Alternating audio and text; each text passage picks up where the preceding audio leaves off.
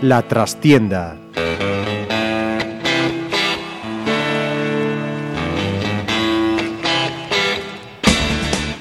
Saludos amigos, os habla Ramiro Espiño en nombre de todo el equipo. Comenzamos una nueva edición de La Trastienda en Pontevedra Viva Radio, que en esta ocasión dará un protagonismo especial a modalidades que han traído para el deporte gallego y pontevedrés los mayores éxitos internacionales de su historia. Una enfermedad, asma, a los tres años le llevó a la piscina, de ahí al triatlón, en el que alcanzó el título de subcampeón de España absoluto en 2014, debutando en 2015 en las series mundiales en Ciudad del Cabo. Las lesiones le alejan ahora de la alta competición, aunque visto lo que acaba de hacer en San Xenxo, no sé si dudarlo. Pablo da Pena, bienvenido. Hola, muy buenos días. Practicó piragüismo, donde fue uno de los pioneros, de aquellos locos o visionarios que se echaron al agua con un barquito que la mayoría no habíamos visto delante nunca. También hizo judo, entre otras cosas, como por ejemplo ser comentarista radiofónico de las mejores regatas que se vieron en nuestra ría. Y desde hace unos años tiene a sus espaldas la presidencia del Club Naval de Pontevedra. Carlos Paz, muy buenas. Hola, buenas tardes. Y el atletismo es su pasión, creo que no me equivoco si lo digo así. Desde hace muchos años ejerce como presidente de la Sociedad Gimnástica, la veterana Sociedad Gimnástica de Pontevedra, desde la que sigue y vive el día a día de la práctica totalidad de atletas que han pisado alguna vez el Estadio de la Juventud, o Centro Galego de Tenificación Deportiva, como ahora se llama, pero que yo creo que es más conocido aquí entre nosotros como el Estadio. ¿no?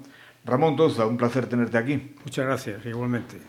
Bueno, empezamos por lo más reciente, ¿no? Pablo, tras un final de 2015 complicado por una hernia inguinal que te impedía rendir al 100% en la carrera a pie, anunciabas la pasada semana la noticia de tu decisión de dejar, en principio, la alta competición, nunca el, el deporte, nunca el triatlón, ¿no? Sí, eh, bueno, es una decisión, no es una decisión básicamente es el, tiempo te hace meditar y, y, madurar, ¿no? Yo tengo 28 años y con el triatlón, pues eh, desafortunadamente hoy viven 10, 12 personas, no realmente como profesional. Entonces, bueno, al final yo tengo la suerte de tener una carrera universitaria detrás, eh, un grupo entreno a gente y me dedico a eso y entonces, bueno, hay que también tener una vida paralela. Fue una de las cosas que me sorprendió, ¿no? De, de las declaraciones que hacías en Pontevedra Vía precisamente en ese sentido, eh, que dice, bueno, pues ganaba dinero pero acababa pagando para la Copa del Mundo y salía a cero al final de temporada es un poco triste, ¿no? Además, en una modalidad tan sacrificada como el triatlón, que tengáis que, pues eso, andar como la piquer con, con las maletas de un lado para el otro y sí. que, salvo una mini élite, porque no me atrevo a decir ni élite siquiera, puedan vivir de esto. Sí, eh, a ver, yo eh, profesional le llaman al, al, al, que cotiza y al que trabaja. Yo realmente eh, puedo entrenar o estaba entrenando hasta ahora ocho horas diarias y, y al final pues eso eh, tenemos una federación que igual es de las mejores del mundo a nivel de calidad porque tenemos a Javier Gómez Noya, Fernando Alarza, Mario Mola, Vicente Hernández que son ahora mismo son cuatro personas que están entre el top 10 mundial pero que hasta este momento no, no pagan los viajes a, pues eh, te digo, por ejemplo, el año pasado a Copas del Mundo he ido a Australia, he ido a Nueva Zelanda, he ido a Corea del Sur, sí, no, es que por encima los he ido a México, entonces claro, eh, son cosas que te financias tú, te tienes que financiar tú. Y independientemente del resultado como salga, y entonces claro, si te sale bien el resultado, bien, si te sale mal, te vuelves con un menos 1.500, 1.600 euros, entonces claro, al final nosotros, tal y como está montado el triatlón, hay unas ligas, digamos, privadas de, en Francia y Alemania y esas ligas, pues tú sumas dinero conforme a tus actuaciones. O sea, al final dependes de ti mismo. Si tú lo haces bien, ingresas dinero, pero al final ese dinero va a, a estos viajes de Copas del Mundo y todo. Entonces, claro, al final ingresos, ingresos realmente eh, te viene de un lado y te sale de otro.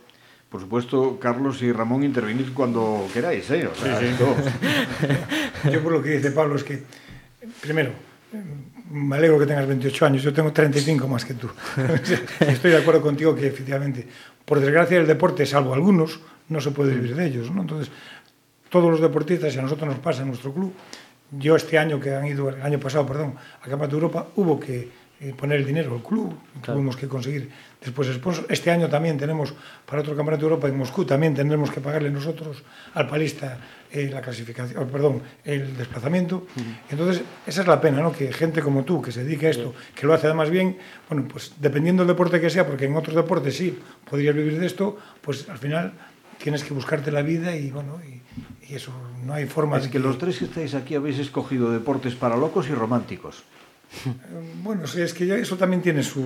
Tiene sí, su, pero bueno, es la cultura, es la final, cultura que tiene su salsa. Sobre todo esta ciudad y esta comunidad, el piragüismo, o lo mismo, el, el, todo lo relacionado con el mar, o el atletismo que siempre fue aquí en Pontevedra historia viva y lo sigue siendo, o, o recientemente ahora el triatlón, ¿no? con Javier Gómez Noya aquí, pues son tres, yo creo que son tres de los más importantes junto al balonmano y, y el fútbol, es de los más importantes que hay ahora mismo en Pontevedra que haya ayudas o no, yo ya, bueno, yo tampoco me quiero pelear con nadie, o sea, es lo que hay y las circunstancias de la vida y tal y como está la situación económica de este país, pues es lo que hay. Y es triste, pero no puedes pelear con ello. Y Ramón de eso sabe mucho también, ¿no? De tener que andar por ahí, yo, pues... Yo corroboro todo, lo que, cada todo lo que dice Carlos y Pablo, porque la realidad es esa, nada más. Deportes que yo creo que, bajo el punto de vista que no venden, y tal, no vender y además estamos todos hipotecados por el deporte que todos conocemos, ¿no? que es el fútbol, y ahí es difícil luchar contra eso. Yo creo que, vamos, que somos, como tú dices, verdaderamente enamorados de lo que estamos, en, el, en mi caso concreto, presidiendo, y nada, hay que aguantar, porque ya llevamos aguantado muchos años y yo calculo que seguirá siendo así. O sea, no habrá muchas alternativas a que agarrarse. Pero no creas, porque, a ver, evidentemente el fútbol tiene una mayor dimensión mediática, sobre todo, ¿no? Eso, eso Pero si hablas con dirigentes, con practicantes también de base y demás, pues tienen los mismos problemas. Yo creo que la, la crisis ha sido un poco global y en España, desgraciadamente, digo yo, no sé, ¿eh? vosotros me corregiréis o, o, o diréis si tengo razón después de Barcelona 92, y eso ya ha llovido muchísimo, se ha olvidado mucho ese tema de la ley de mecenazgo, 50.000 historias que habían hecho posible que, que, muchos deportistas de muchas disciplinas hubiesen alcanzado cotas altísimas. ¿no? Sí, pero vamos a ver, estando de acuerdo con lo que dices tú, y yo te puedo poner casos más de piragüismo, ¿no? que, que conozco y porque además los he vivido. ¿no? Y, y te voy a poner el caso de Vizcal, un hombre que no vamos a decir quién es David Cal, creo que lo conocemos todos. Pero es que David Cal tenía cada año, quizá como en atletismo y en otros deportes, tiene que ganarse la beca. La beca no te la dan, o sea, te hay que ganarse todos los años, y al Campeonato del Mundo, Campeonato de Europa, o sea, al final, en fútbol, o sea, en fútbol a cierto nivel, ¿no? Porque yo estoy de acuerdo, los alevines, estos pequeños rapaces que empiezan, ¿no? Pues igual no tienen las mismas, o sea, no tienen las mismas posibilidades que los que están arriba, ¿no? que hablo ya un Pontevedra, que es un equipo que ojalá ascendiera, ojalá estuviera en primera división, pero ya estamos hablando de cosas distintas. Es un deporte, siendo un deporte, yo me acuerdo, yo jugué en el Pontevedra juvenil, estuve cuando quedamos campeones, eh, campeones gallegos, fuimos a jugar al Campeonato de España y quedamos, nos hicieron una, una cena ahí, el Pontevedra a mí me retuvo hasta los 22 años, era otra cosa distinta, cuando Pontevedra estaba en primera, y ya de aquella el fútbol ya, ya, ya era una cosa distinta, ¿no? El piragüismo, el atletismo, el, bueno, el triatlón de aquella ni, yo creo que ya ni, ni existía, ¿no? O, sea, ya ni existía. Pero ahí te tienes que ver con lo que hay y tienes que, las, lo que tú tienes, el apoyo muchas veces desde los padres, porque eso, gracias a los padres, hoy acaban de venir de Sevilla, llegaron hoy, pues en el club pues fue otro padre con una forma de llevar a, rapaces. Nos ha costado casi 2.000, 2.500 euros el, el, desplazamiento. No te van a dar ni un duro. Y eso lo consigues a base de las cuotas que tienen que pagar los, los críos, porque tienen que pagarlas. ¿eh? No, y después mm. de bueno, las pequeñas subvenciones que puedes conseguir, ¿no? unos más, otros menos, dependiendo de los resultados. Pero lo que dice eh, Touza, el fútbol es otra, es otra historia, ¿no? Y David Cal, que os comentaba, yo me acuerdo que tenía que ganarse año a año y ahora cuando lo dejó, que yo creo que se equivocó, se lo dije en su momento, yo fui a, a Cangas cuando fue su despedida, que me pareció vergonzosa, en donde estaba el presidente de la Junta, el presidente de, del Comité Olímpico, el presidente de la Diputación, como incluso estaba yo. A mí me llamó él y me dije, yo iba a ir porque llevo siete años entrenando con nosotros.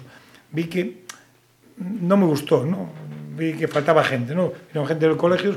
Soy y ahí lo porque yo también estaba. Ahí, tú estaba, ahí le ofrecieron, eh, fue cuando lo hizo el homenaje, le ofrecieron incluso el presidente de la Junta que iban a darle, bueno, no podemos perder este valor, pero David El hombre ahora está inmenso, yo creo que el otro día está inmenso porque dejó de entrenar. Sí, yo, Y- yo y también, yo también vi, porque ahora está en Murcia, ¿no? Que, Ahora iba a ir, me dijo que le había salido algo en Murcia, es una, Laucan, sí. es una pena que al final tengas que irte fuera de aquí. Sí, sí, sí, es una totalmente. pena. Y eso pasa con estos deportes, como el tuyo, Sí, no. con, con el atletismo. Sí, sí, el atletismo pasa igual. Como, Pero, como pero- un año no esté, te pase, tengas una lesión, Sí, no, no. una lesión, pues te quedas sin la Ahí. beca y adiós muy buenas. Y, Claro, no puede ser. Y, no, y al final entrenos bajo presión, eh, tengo que hacer esto porque Y es si peor no, no todavía, tal. y es peor. Y al final no rindes. O sea, ya te afecta la cabeza Sí, todo sí, y sí, ya... sí. Es todo una... Nada. Hombre, más allá todavía. cadena. Yo recuerdo que un par de años tuvo problemas David Cal con Suso Morlán, se había montado una gorda porque se habían dejado fuera de las subvenciones de, de alto rendimiento. ¿no? no habían tenido la consideración en Galicia de atletas de alto rendimiento. O sea, eso ya es para decirle al funcionario de turno, mire usted, vayas a esparragar. Yo me acuerdo porque lo viví en primera persona, porque David, usted. ahí fue, ahí, digamos, fue un error, entre comillas, de David. Pero es que David y Susu no estaban para, para preocuparse que había que claro. unos tiempos. Estaban trabajando, estaban entrenando, estaban todo el día dándose cera y le pasó el brazo. Lo que dices tú, el funcionario de turno de la Asunta no es eh, Carlos Paz, es David Cal, que tiene un currículum. Pues, oye, que no, no presentó, llamémosle Claro, y presentémosle avisarlo. la instancia, vamos a avisarle. O eh, sea, un que no es un campeón- deportista, un campeón, un campeón un olímpico. campeón olímpico tiene que estar pendiente de presentar un papelito. Se quedó, efectivamente, se quedó sin, Sí. sin la subvención. Sí, sí. Son, bueno, a ver, la- las circunstancias que pasan, el, el que mucha gente, y Pablo de eso sabes seguro que un rato largo, eh, mucha gente que cuando llegan los éxitos se apuntan a salir en la foto, pero luego desaparecen, y un poco lo que decía Carlos Paz ahora mismo, de esa despedida de David Cal, que a partir de ahí, yo no sé, no, no he tenido oportunidad de hablar con David Cal, pero estoy por asegurar que ninguno de los que estaban allí, salvo los que le conocen de niño, en su pueblo y demás, pues han vuelto a hablar con él, a preguntarle, ¿necesitas algo? ¿Quieres algo? ¿Qué podemos hacer? ¿Cómo podemos orientar? Lo que tú sabes, lo que tú has adquirido ¿no? de, de- de experiencia para transmitirlo a- a- al resto del piragüismo, digo yo. Sí, la verdad es que eso, esto suele Pero, pasar siempre, ¿no? El- Desgraciadamente esta, en esta vida ocurre La foto esto siempre. política, Mientras eh, estás ahí arriba, todas son adulaciones y todas son... Pero en cuanto te bajas del pedestal, la gente se olvida de ti. Y es la realidad de la vida. O sea, pero no solo en el, en el deporte, te pasa en cualquier actividad, ¿no? Y Pablo, nos decías que aparte de seguir, porque ya lo hemos visto, repito, en San Xenxo, que te, te ha salido, No, tampoco, a ver, al final... eh, yo soy el primero que lo reconoce, ¿no? Al final eh, sí que ayer, bueno, eh, ayer en San Senso, pues mira, eh, la primera vez que hacía un, un medio Ironman, ¿no? Y, y bueno, eh, sí que tenías un poco de dudas porque no sabes al final, cuando tú entrenas para una cosa y al final le metes el doble de distancia, no sabes cómo va a rendir tu cuerpo. Pero sí que, eh, por ejemplo, ayer mis, mi Facebook, mi Twitter, no sé qué, ah, enhorabuena, no sé qué, no sé cuánto. Y sí, vale, eh, pero era un campeonato gallego de media distancia. Y por ejemplo, yo me acuerdo ahí atrás que yo hice en una Copa del Mundo un 15 o tal, y No igual de valoración tenía la mitad que tal. Y yo, por ejemplo, le doy muchísimo más valor a eso que a lo, a lo de ayer. Sí que está muy bien, que bueno, que debutas y ganas y no sé qué en San Senso, pero sí, pero vete tú a una Copa del Mundo con gente de nivel mundial y haz un 15. Eso es lo que yo me quedo con eso, ¿no? Y al final, pues sí, las victorias aquí en los pueblos, que no, que no quiero que se, se tienda mal, eh, pues para la gente le gusta, pero yo soy siempre de cola de ratón y prefiero estar ahí atrás y pelearme con gente de mucho nivel que, bueno, ir por ahí y ganar. Tal. Entonces, bueno, yo la verdad es que sí que lo, lo echo de menos esa falta, ¿no? Pero bueno, es lo que hay. Porque además es que hay que pensar una cosa, porque es muy fácil decir, bueno, es que no, no, no se ha metido en el equipo para la Copa del Mundo. Además, quizá a los que no estén muy metidos en este mundillo del deporte, en concreto del triatlón, hay que decirles que no van todos los que quieren. Es decir, esto no es llega una prueba de Copa del Mundo, me inscribo, me pago los gastos, voy allí y ya Yeah. está. Eh, hay un determinado número, si creo que es así, Sí. por país. Sí. Es decir, y con el nivel que hay actualmente en España, como para meterte entre los tres mejores, vamos. Sí, ahora, ahora mismo en eh, lo que digamos en- hay tres niveles, ¿no? En España hay cop- o en, en las bueno, a nivel internacional se compite Copas de Europa, Copas del Mundo y, y series mundiales. Y en las series mundiales España, por el nivel que tiene, tiene acceso a seis plazas. Y ahora mismo la Federación eh, lo ha limitado, ellos mismos lo han limitado a cuatro plazas. Entonces, claro, eh, si empiezas a contar Javi Gómez Noya, primero campeón del mundo, eh, Mario, Mario Mola, Mola. segundo del mundo, Fernando Alarza ahora mismo, actualmente está segundo del ranking mundial, y Vicente Hernández, que ahora mismo está octavo del ranking mundial, eh, ya no hay más. ¿Qué te queda? No hay más. Luego cuando tienes a gente, pues, pues hay más gente, ¿no? Que está el 40, el 50 o el 60 y, y más españoles hasta el 120 que lo pueden hacer bien. Te dices, hostia, ¿y ahora qué haces? Pero, ¿y qué razón hay para que la Federación Española autolimite a su propia gente? Yo es que hay No, cosas que no, termino de entender nunca. No entiendo. No, o sea, no, no dieron razones ni nada y la verdad es que no... Ellos han creado un equipo, digamos así, que ahora sí que financian a esas cuatro personas, sí que financian los viajes y todo, pero hay mucha gente que, bueno, pensamos que, bueno, si esas dos personas, hasta seis plazas que hay, ¿no?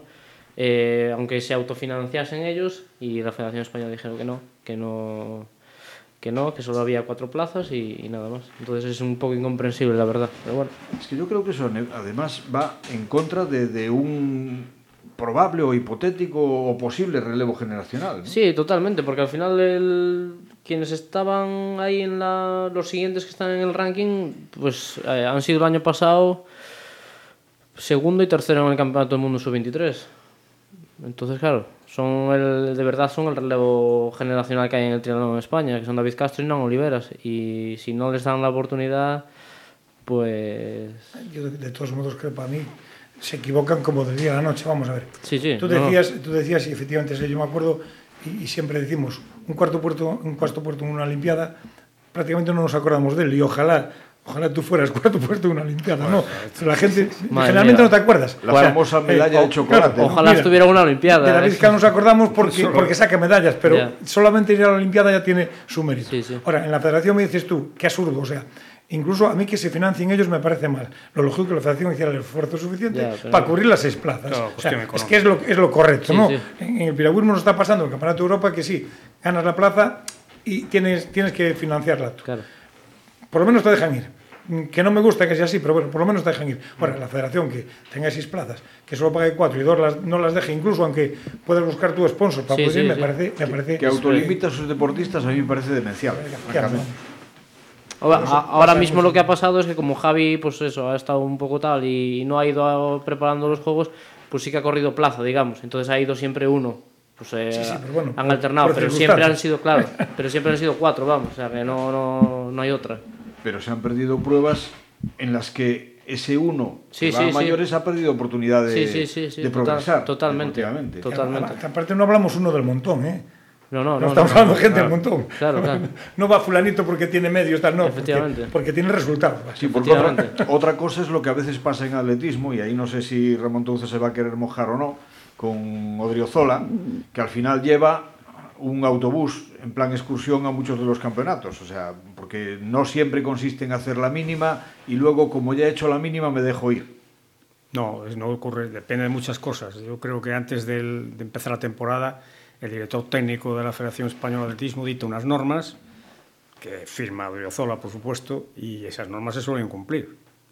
Yo no te puedo decir ahora exactamente cuáles son esas normas, pero aparte de hacer la mínima, a lo mejor tiene que cumplir otra serie de requisitos, por ejemplo, que esa mínima la hayan hecho en un periodo de tiempo determinado, ¿no? antes de la competición.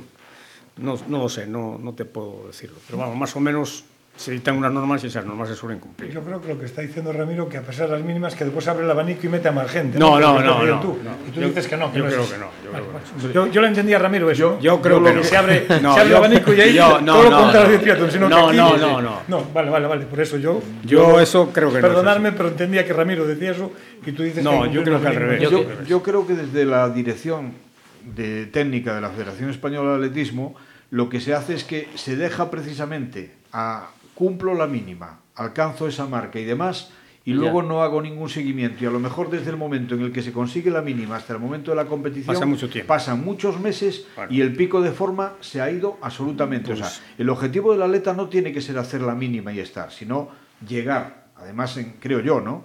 A- en las No, es que es- que- condiciones Es que es así, como tú dices, ¿eh? O sea, no, no, vamos, que aparte de hacer la mínima, tiene que estar en un determinado momento de forma cuando, cuando es la competición, si no, no va. Yo, vamos, fíjate. Yo, hay una normativa con respecto a eso, yo no me acuerdo exactamente. Pero, pero, pero siendo eso y, y, aceptando como es así, yo me acuerdo, y voy a poner otro ejemplo, porque fueron siete años ¿no? con, con David peleando aquí. Y me acuerdo que hacían unos controles para ver si ponían a David Cal fuera. Sí, claro, sí, lo sí. decir, pero para eso lo ponían fuera. Sí, sí. Se lo hacían en el mes de mayo.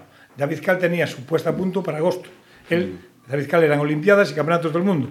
Incluso Campeonato de Europa, pues bueno. Además, Sí, como, muchas veces Muchas no- veces ni iba. además Entonces, como todo el mundo sabemos, David Cal no era fiable No, no, en alta no. competición. O sea, No, siempre que llegaba era, ganaba. era- era espartano, como digo yo, y él, iba, él sabía lo que tenía y Suso lo tenía muy controlado y sabían que en agosto era tu puesta a punto y en agosto tenías que estar. Pues hacían controles, incluso antes yo tuve que ir a uno aquí a Reducido que me dijo, vas a subir presa y me decía, le digo, sí, y dije, si no ganas, ya no te dejo entrar en el club.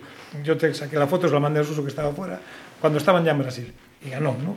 Y le hacían ese- esos controles con una antelación para mí que no debía ser lógica.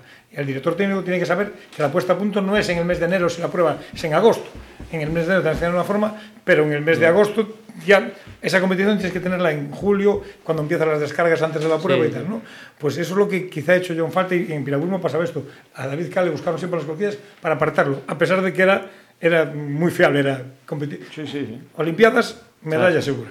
¿eh? Era- era un reloj. segura, era un reloj. Yo que tengo un poco de, bueno, de, de mano derecha con la natación y, y como hablaba ahí Ramón, con la, con la natación, las, las mínimas para los Juegos Olímpicos, la federación más o menos eh, estudia pues los tiempos de semifinales en los Juegos Olímpicos. Entonces, ellos hacen las marcas mínimas en base a las semifinales, no en base Claro, a las ah. eliminatorias. Las eliminatorias. Ellos no quieren eso. Entonces, claro, ahí podría haber, pues igual estamos hablando de 10 personas más en unos Juegos en natación que estarían en las eliminatorias, pero ellos ya buscan directamente para las semifinales.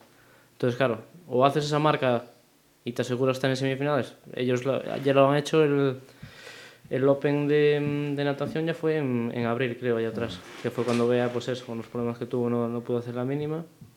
Y, y nada, simplemente ya, ya van directamente, buscar las semifinales, lo mínimo que piden. Entonces, claro, al final ya pides un poco de nivel bastante mundial. Bueno, y hablando así de, de secretos y de, de gente que ha tenido problemas con su federación y demás, cuéntanos tú un secreto, ya sabes por dónde voy. Tú que estás muy cerca de Javi Gómez Noya, ¿qué ha pasado para que se tenga que inscribir en Murcia? O en Madrid.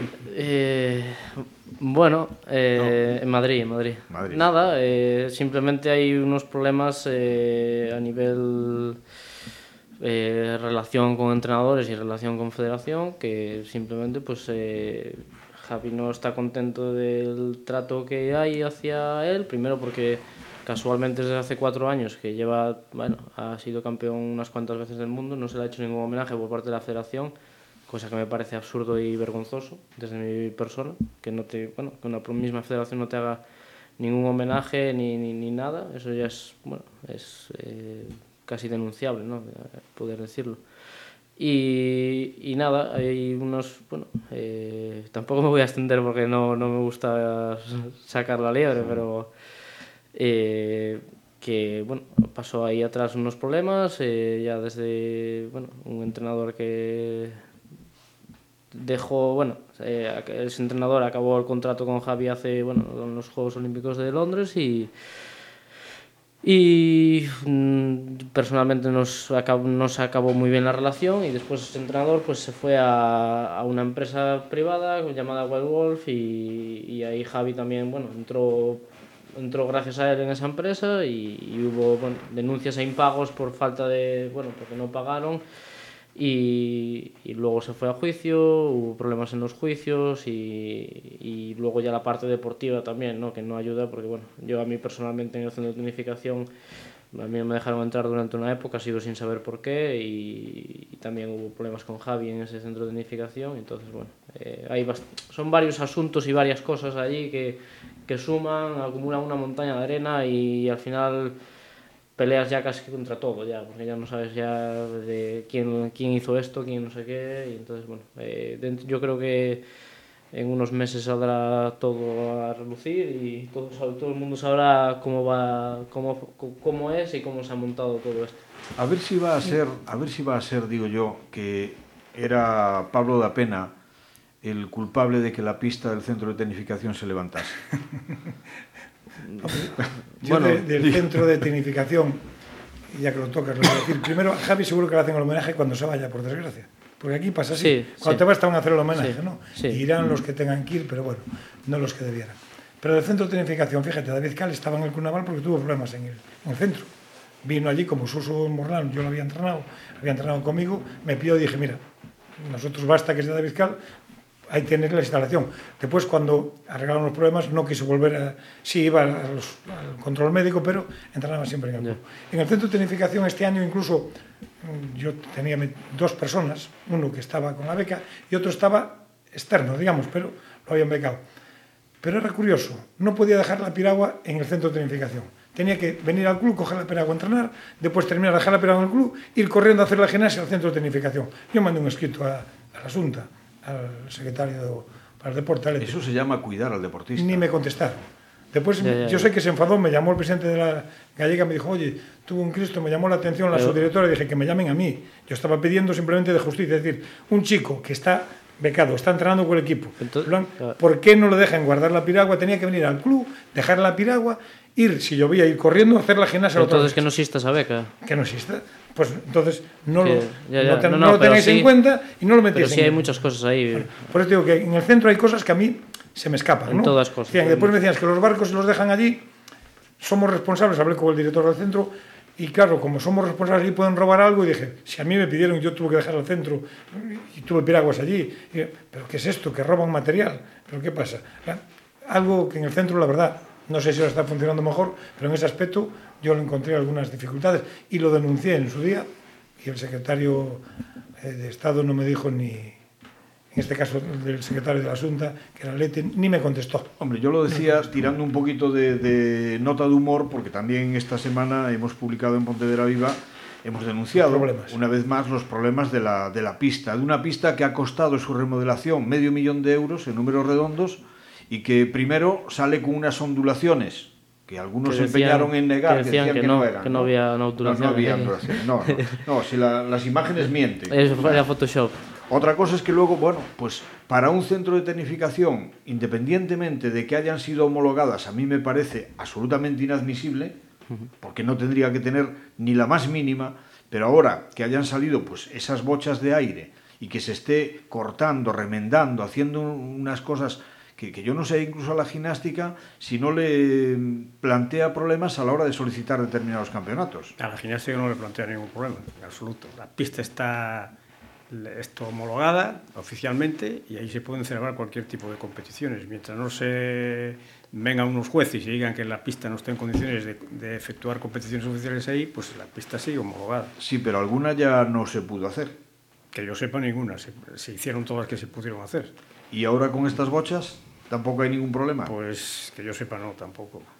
O sea, que se puede correr así.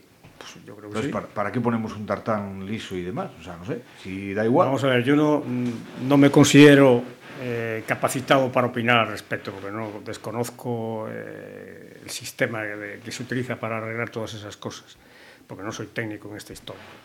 Pero si hay un, un colegio oficial de homologadores de la Federación Española de Atletismo que dice que la pista está homologable, pues adelante con los faroles, ¿no? competiciones y todo lo demás. ¿Qué ha surgido este problema? Pues la verdad es la primera noticia que tengo, porque no estuve en Pontevedra estos días y, no, y desconozco la historia. Pues no hay más que ver las fotos, ¿eh?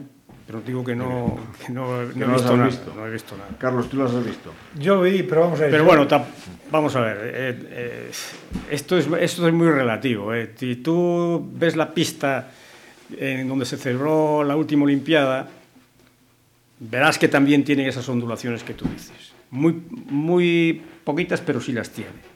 Y eso se puede... Es que es imposible ponerlo liso, de liso, liso, liso de todo, ¿eh? porque tendrías que actuar con unas... eh, cosas que yo creo que son imposibles de solucionar ese, ese, ese apartado. Porque la goma, la goma se, eh, cada dos por tres se, se deforma, es normal. O sea, con el tiempo, con el sol y con todo eso, eso se deforma. Las boches esas que tú dices, pues no sé, no sé si, si es culpa de calor, culpa de que se ha hecho mal. Técnicos hay y son los que tienen que opinar al respecto. Hombre, yo sinceramente creo que un centro de, de alto rendimiento, de alguna manera un centro de tecnificación, debe de tener las mejores instalaciones posibles a disposición de los atletas, digo yo. Yo entiendo lo que dice Vamos a ver, si yo, está homologado, vamos a ver. Yo, no sé, creo que vamos a ver, hay que evitar que haya lesiones. Vamos a ver, Ramiro. Yo lo que no puedo es opinar de una cosa que desconozco y que no me encuentro capacitado para opinar. Para opinar de eso tendría que ser un técnico en esa materia. No lo soy y por consiguiente no voy a opinar nada, ni, ni para bien ni para mal. Lo único que te puedo decir es que la pista está homologada y nada más. Es lo único que sé. Oficialmente, además. Homologada por esas ondulaciones, que bueno, cada uno tendrá su opinión. Cumple los requisitos, cumple los requisitos para homologarla y ahí está. Yo sigo pensando y se va a celebrar y se van a celebrar todas las competiciones que se tengan que celebrar. Una oficial. No es eso lo que yo he entendido, pero bueno, eh, una obra se puede hacer bien, mal o de cualquier forma.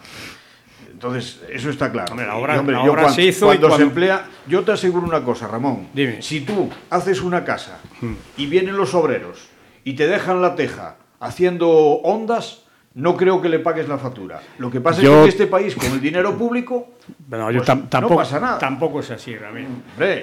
Tú, cualquier tejado que veas, tiene sus más o menos ondulaciones. Yo estoy viendo uno y las tiene eso es relativo, siempre, todas las cosas son relativas en esta vida.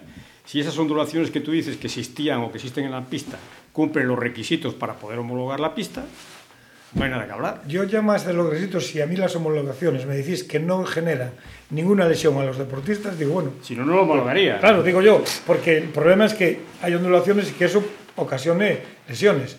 Si se puede homologar así, pues mira, ahí yo también estoy Tiene que cumplir los requisitos para. Esas ondulaciones tienen que cumplir los requisitos para que se puedan homologar. Cumple, pues ya está. Yo muchas veces he estado en, la, en, el estadio corriendo. La verdad que si hay una ondulación, no sé cómo vamos a poner el pie allí, pero bueno. Ah, pero tú realmente no es una ondulación que tú palpes. Que, que, percibes. Es imposible, eso es imposible.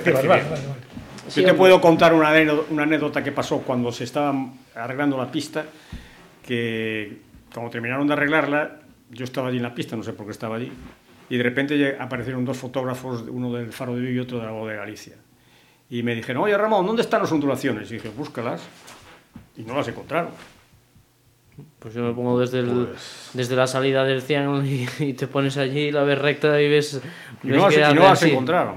No, sé si el efecto visual. Las imágenes, desde luego, no mienten. Eso está claro. Las imágenes. Que, existían, está clarísimo. Te vuelvo a repetir. Que puedan, que puedan cumplir unos mínimos estándares, bueno, pues, pues muy bien. Pues pero, que pero que desde luego, yo si la obra la pago yo, no le admito a la empresa que lo deje así, también lo tengo clarísimo. Y que dos, tres meses después aparezcan unas bochas que supongo que cuando alguien va corriendo, si tiene una elevación, es fácil que un atleta pueda tropezar. Es pues máximo una reta de velocidad, digo yo.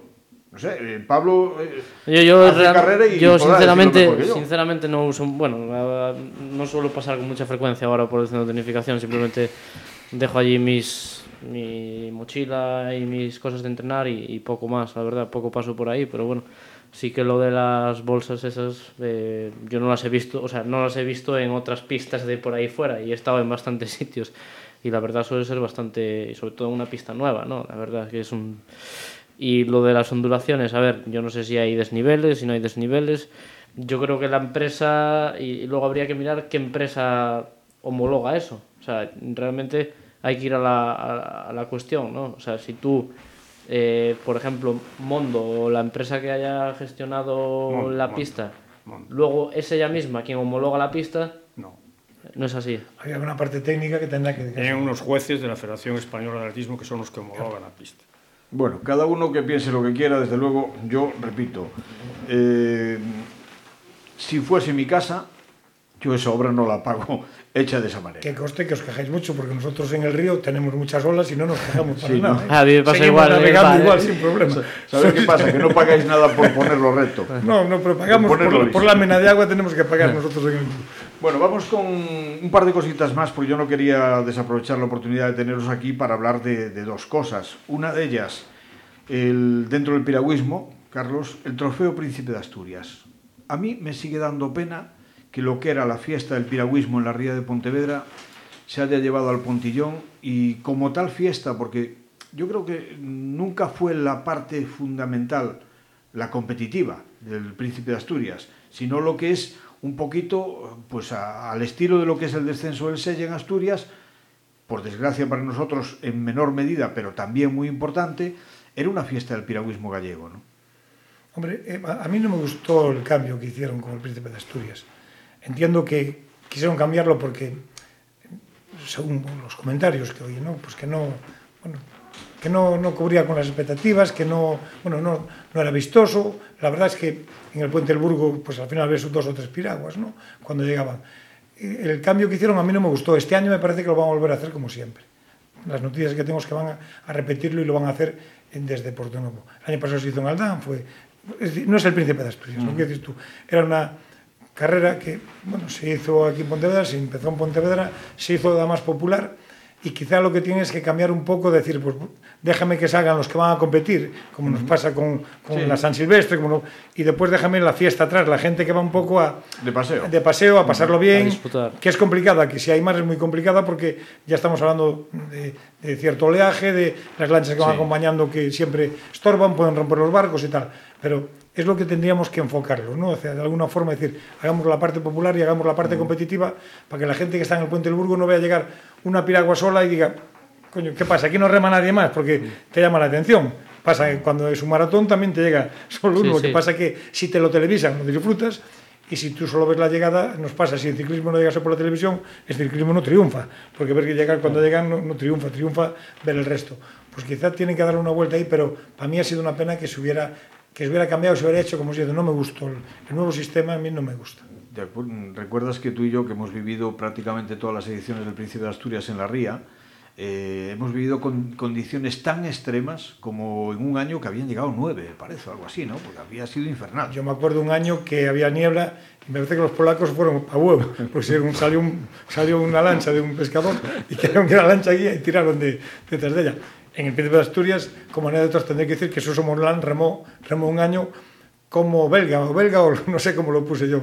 Allí Santi tenía un problema que no se cubría y lo cubrimos con Suso Morlán y le dije, no hables, que, que, que te vayan a conocer, ¿no? Va a cubrir un equipo extranjero cuando... Porque venían muchos equipos extranjeros, ¿no? Nos apareció uno con cuatro, sabía el suena uno, tal, entonces metimos a Sí, yo recuerdo que Morlán. lo televisaban en la televisión de Galicia. Lo televisaron una vez, lo televisaron. Durante eh, bastante tiempo. Lo televisaron sí, y, sí. otra vez hicieron, lo hicieron más largo, tuvimos que hacer la vuelta a Tambo. Mundo, sí. sí, hicimos la vuelta a Tambo y tal. Sí, no, me, un... no, me, hables de aquella edición de la Vuelta a Tambo, que Santiago Samamez, presidente en aquel entonces de la Federación Gallega, luego sería de la Española, nos dejó tirados allí a Pachi Perurena, luego presidente de la Europea, y a mí, que estábamos retransmitiendo la, la regata, se quedó sin gasolina, la, la barca y allí nos dejó. Lo de Santi de la ría. Dejarlos tirados es muy normal. Digo que nos dejó porque él se marchó. Ya, porque él se fue, sí, él se fue. Pero bueno, la verdad es que el príncipe tenía, tenía otras connotaciones. Yo igual, yo decía cuando me preguntaron, igual lo hacía y lo cambiaba y lo hacía una regata entre la ría, que se viera, que disfrutara la gente, pero yo creo que el, el de toda la vida, Portonovo, Sanjenjo, hay que intentar mantenerlo, ¿no? O sea, dándole una, un cambio importante. De pero, anécdotas del Príncipe de Asturias podríamos hablar un día entero, ¿eh, Carlos? Podríamos estar hablando entero y, y, mucho, y mucho más. y mucho en fin, más. Pero hablando de pruebas multitudinarias, populares, masivas, con un éxito, yo no sé si decir, si desbordadas incluso por su propio éxito, la San Silvestre. Sí, eso se ha desbordado, se ha desbordado. Hay que retomar eso como sea porque se está, se, da, se está desbordando. Y además los incrementos de un año a otro son impresionantes. Vamos. Algo tendremos que hacer. Como, que... yo, como yo digo, habrá que hacer lo necesario para que resulte lo conveniente. Es que ¿dónde, Porque... ¿dónde está el límite? ¿no? Porque es que no, pues habrá este que limitar. último año, con la cantidad de participantes que hubo, casi entra Víctor Riobo, que fue el vencedor, antes ya, de que saliese ya, el último. Ya, ya. Pero claro, si amplías el circuito, pues mucha de la gente que corre pues no correría, ¿no? Si por el contrario limitas la participación, pues como tú decías antes, pues mucha gente se, se, meterá dentro y correrá sin dorsales y nada, que de hecho ya mucha gente lo está haciendo. En fin, no sé, no es fácil la solución, pero bueno. Cuando, cuando empezasteis con la San Silvestre, ¿en algún momento llegasteis a, a pensar o a soñar siquiera ¿Qué va, qué va? con que esto podía llegar a... ¿Qué es, va, que, es que tenemos que pensar una cosa, ¿eh? Pontevedra son 83.000 habitantes, claro. más los alrededores. Ciudades como Vigo, como A Coruña, con 300 y pico mil, y meten 3.000 personas. No, no, no. Y ya con Madrid, comparas la población de Madrid. No, no, no, es que es, que Es que es, el tanto es la, la es- carrera más eh, de toda España, la mayor, ¿eh? En, en tantos Proporcionalmente, claro, sí. proporcionalmente, claro. Yo he ido al San Silvestre que la corrí todos los años menos uno por lesión. Yo me acuerdo cuando, cuando éramos, bueno, bueno, y ahora, ahora sigo corriéndola con la lesión igual. Me aprieto la rodilla yo con la San Silvestre, es, el, es mi fin de año. Después termino y me doy un, un, baño en una bañera de hidromasaje, que es, es mi fin de año y después a disfrutar. ¿no? Pero yo creo que la San Silvestre lo que dice es una carrera popular y hay que mantenerla como tal. Quizá la salida me da, porque yo este año yo me quedé atrás, para que Sí. saliera todo el mundo, y estuve andando cinco minutos. Igual hay que hacer la salida para evitar lo que dice Ramiro, igual que salgan ya casi pegados al ayuntamiento, ¿no? Pero bueno, yo me acuerdo incluso la salida cuando dábamos la vuelta a la, a la, al- al- a- la hacíamos inversa y salíamos por delante del gobierno civil. Pero éramos cuatro pelagatos, lo que dices sí, tú. Es que ahora somos. y aparte hay perros en la carrera, que yo creo que los perros, lo decía Ah, antes, creo que hay que limitarlos porque es un peligro. A mí me gustan mucho los animales, pero en la carrera es un peligro. Se cruza un perro y un día podemos tener un batacazo. O sea, eso es un peligro. Ir con el perro me parece muy bien, vete disfrazado, vete como quieras, disfrútalo, pero vete tú solo. El perro, otro día hacemos una carrera para perros y vais los perros con las personas. Y no tengo nada contra los perros. Dios me libre, todo lo contrario, que me encantan, pero es un peligro. ¿no? Entonces, algo tenéis que hacer porque se está. Y me alegro además que se masifique y que sea. Porque es algo bonito, ¿no? En Pontevedra. Y, y ya te digo, cuando caen chuzos este año, no, el año pasado, aún así éramos mucha gente. Sí, sí. Éramos mucha gente y estaba lloviendo, era infernal aquello. Estábamos gritando para que dieran la salida. Hace- eso fue hace dos años. Hace dos años, Hace dos años, aquello sí. fue terrible. en el Y momento empezamos a cantar todos y cuanto más cantamos peor, llovía más porque éramos muy el malos. la, el fue el momento momento de la salida. salida fue No, además, inolvidable. Fue además terrible, fue vino un terrible. chubasco que, con Bueno, yo, y con... yo he bebido alguna más que eran más largas, pero éramos eran cuatro pelagatos, entonces no tenía esta difusión. antes éramos- eran 10 kilómetros. eran antes. 10, 12 kilómetros, nada. Pero no tenía. Yo me acuerdo correrla cuando estábamos en forma, ¿no? Y nos picábamos, entrábamos en la gimnástica, entrábamos en el pabellón, sin gente, y corríamos, íbamos delante y pegábamos el sprint, ¿no? Decían, estos están entrenados, pero dejábamos de correr vosotros, que vosotros sois atletas, nosotros somos piragüistas, ¿no? Hombre, desde luego hay que decir que Pontevedra en ese tipo de manifestaciones deportivas es una ciudad única, diría yo, porque Pablo, en lo que respecta al triatlón también, recuerdas la primera vez que se trajo una, una prueba de triatlón, había salido un fin de semana infernal, Sí. incluso la prueba femenina tuvo hipotermias. Sí, a Vanessa Fernández, que era campeona del mundo, que la, la tuvieron que sacar No pudo allí. terminar. No, no era capaz de ni de ponerse el casco ni, ni nada, no, no tenía sensibilidad. Sí, río. del río. Y sin embargo había 30.000 personas presenciando la prueba. Sí, sí. No, la verdad es que en estos, o, o en el europeo, que fue 2011, si no, no recuerdo Sí. mal, ¿no? que estaba todas las calles y, y Javi lo sigue diciendo. Yo creo que fue de los días que más gente hubo en, en una prueba de triatlón. Sí, sí. Y, y yo la verdad que tengo, bueno, tengo suerte de, de haber compartido experiencias con gente de, de todo el mundo y, y siempre dicen ¿no? que cuando han venido a Pontevedra, ya sea una Copa Europa o el Campeonato Europa que han hecho, eh, o sea, ha sido increíble la gente, el apoyo y el público que ha habido ahí y, y siempre se acuerdan de ello, ¿no? Al final, si te comparas, bueno, con eso, con Pontevedra, con, yo qué sé, Chicago o, Oakland o cosas así, te dices, hostia, se está haciendo las cosas bien, ¿no? En, en temas de eventos deportivos. Y, y día 22, 21 y 22 de mayo es aquí la Copa del Rey y el Campeonato Español de Relevos. Y bueno, sí que es una pena que eh, para estos eventos no se meta al centro de la ciudad, pero yo también entiendo que, bueno, si no es un evento importante y real, como un Campeonato de Europa o un- incluso un Campeonato de España de verdad, que no se meta por el centro, lo hace un poco inviable. Tenemos triatlón para terminar mayo, tenemos piragüismo para terminar mayo y empezar junio, con el Campeonato de Europa de Maratón, donde además un pontevedrés, Oscar Graña, es campeón. Vamos a ver si revalida. O sea que, para dar y tomar, en ese aspecto creo que somos envidia de muchísimas ciudades de mucho mayor poten- potencial. Eh, Pablo da Pena, que independientemente de ese retiro, queremos seguirte viendo en activo mucho tiempo y además ayudando a Javi a llegar a Río y traerse una medallita, ¿no? Sí, sí, por supuesto. Hasta Río, eh, yo lo que pueda ayudarle y todo, eh, aunque me tenga que quitar unos años de vida, seguramente que, que lo ayudaré y, y nada, deporte yo 100% hasta que, hasta que pueda, eso seguro. Carlos Paz, muchísimas gracias también. A ver si dragamos ese club naval antes de que los barcos los aparquemos en la acera, en la avenida del Uruguay. Tenemos el compromiso para el semestre del año que viene que lo dará. Pues a ver si es verdad. Y don Ramón Touza, con esa gimnástica en División de Honor, a seguir peleando y a ver si subimos a las chicas también a la máxima categoría. A ¿no? ver si este año van a- son capaces de ascender a primera división. Yo, yo creo que sí. Pues que así sea. Vamos con nuestra despedida musical, que esta semana es para John Fogerty, líder de la mítica banda americana de rock Creedence, Creedence Clearwater Revival, con guitarra acústica y acompañado por la Orquesta Sinfónica Il Novecento, dirigida por Robert Groslot, dejó esta maravillosa versión en un concierto ofrecido en Bélgica, en Antwerp, en noviembre de 2010. Have You Ever Seen the Rain? Como cada semana, que lo disfrutéis y hasta el próximo programa que intentaremos que haya más y si podemos también mejor.